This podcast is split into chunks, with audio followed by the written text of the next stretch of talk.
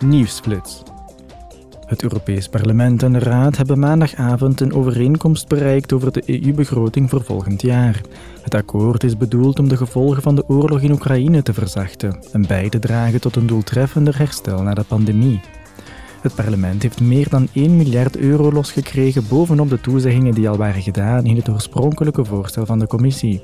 De extra middelen zullen worden gebruikt voor prioriteiten als humanitaire hulp, Erasmus en infrastructuurprojecten.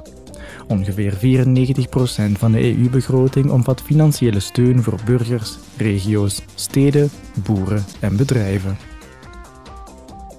De Commissie Industrie, Onderzoek en Energie heeft deze week plannen goedgekeurd die het gebruik van energie uit hernieuwbare bronnen moeten stimuleren.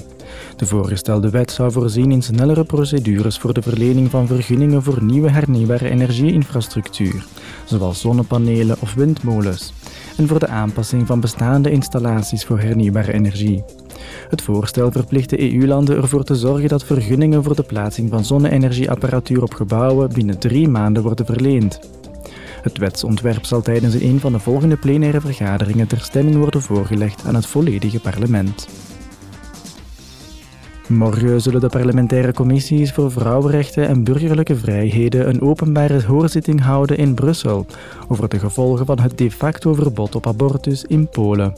De betrokken leden zullen in gesprek gaan met familieleden van de slachtoffers van het abortusverbod en met vertegenwoordigers van NGO's die zich hard maken voor seksuele en reproductieve gezondheid en rechten.